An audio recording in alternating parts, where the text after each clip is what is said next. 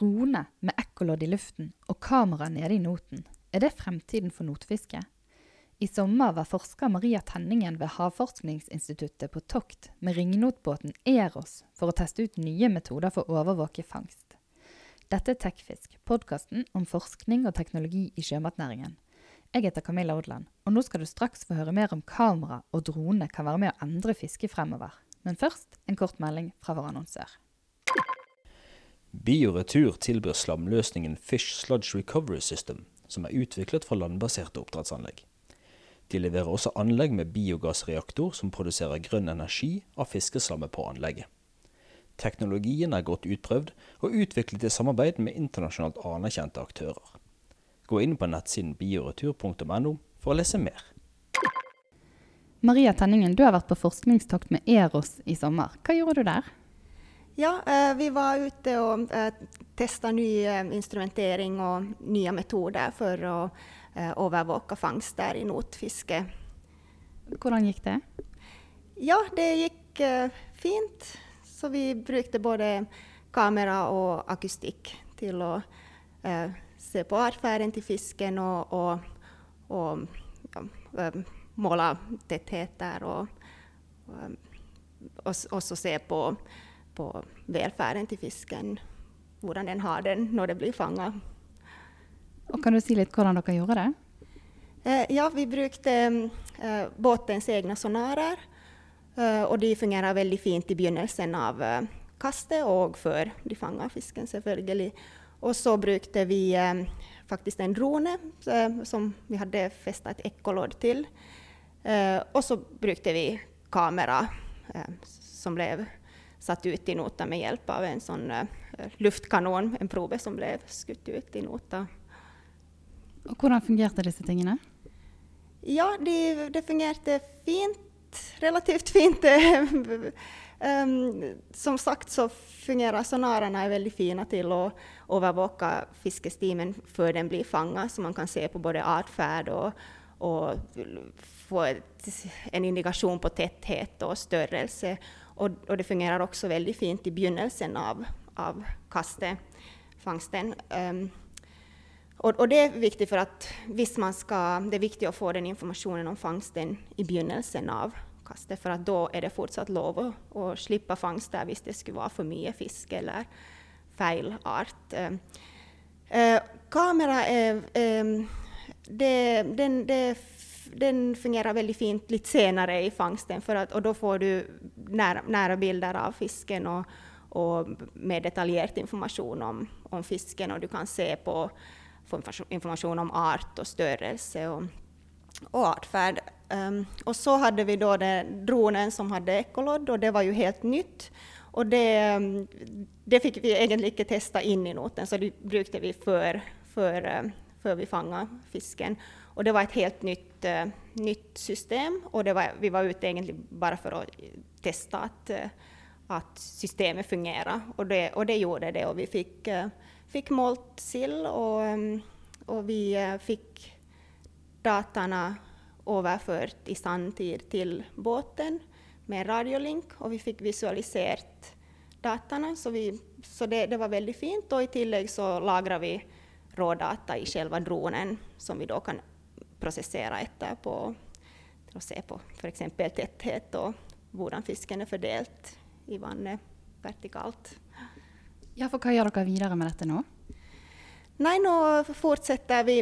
Um, det arbeidet med dronen, så det, det, var i samarbeid med Simrad fra Kongsberg Maritim og uh, et droneselskap som heter Birdview.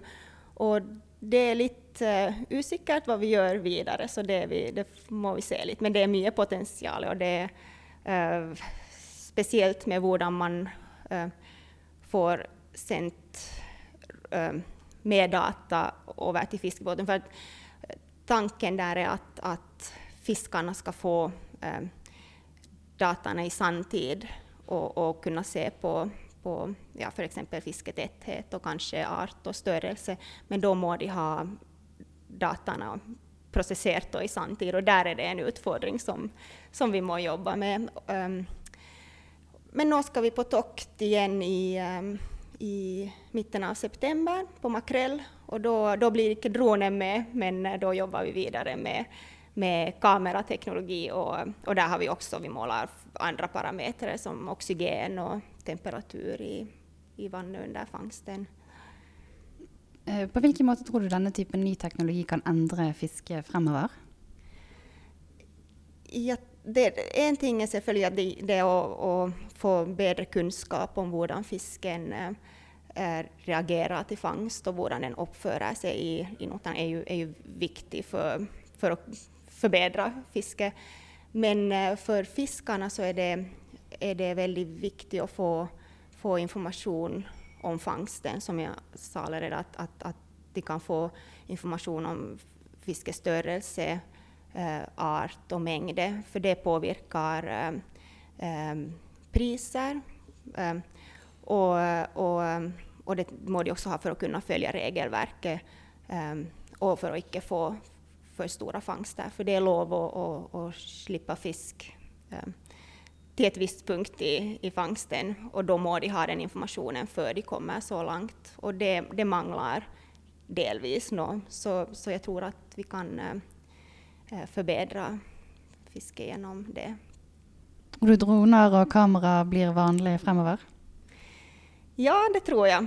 Helt säkert. Och eh, med dronen så tror jag att um, Visst, man får det automatiserat så att fiskarna inte må ha en extra person med som styr dronen och man löser det problemet med dataöverföring och, och kanske processering i samtid, så tror jag det har väldigt stort potential. Och, och drone, med dronen kan man ju också bruka kamera och då kan fiskarna få, få information om, detaljerad information om fångsten, helst före de kastar, så de kan ta en avgörelse då om, om det är en bra stim att fånga på.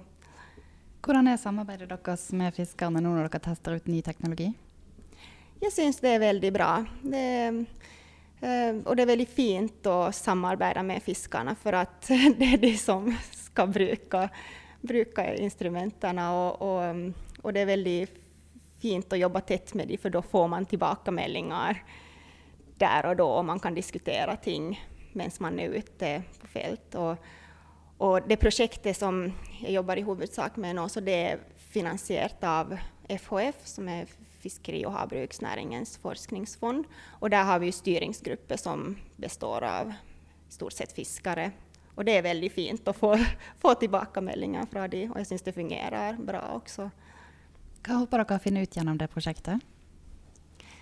Eh, vi hoppas att vi kan utveckla ny instrumentering som kanske icke blir helt kommersiellt, men som i alla fall har potential till att bli kommersialiserat etterpå. Och så hoppas vi också att, att öka kunskapen om, om fiskeavfärd och fiskevälfärd och eh, i fångstminut. Och, och fiskevälfärd, det att fisken har det bra när den blir fångad, det, det påverkar ju kvalitet och kvalitet kan påverka pris. Så, så det hoppas jag att vi finner ut mer av.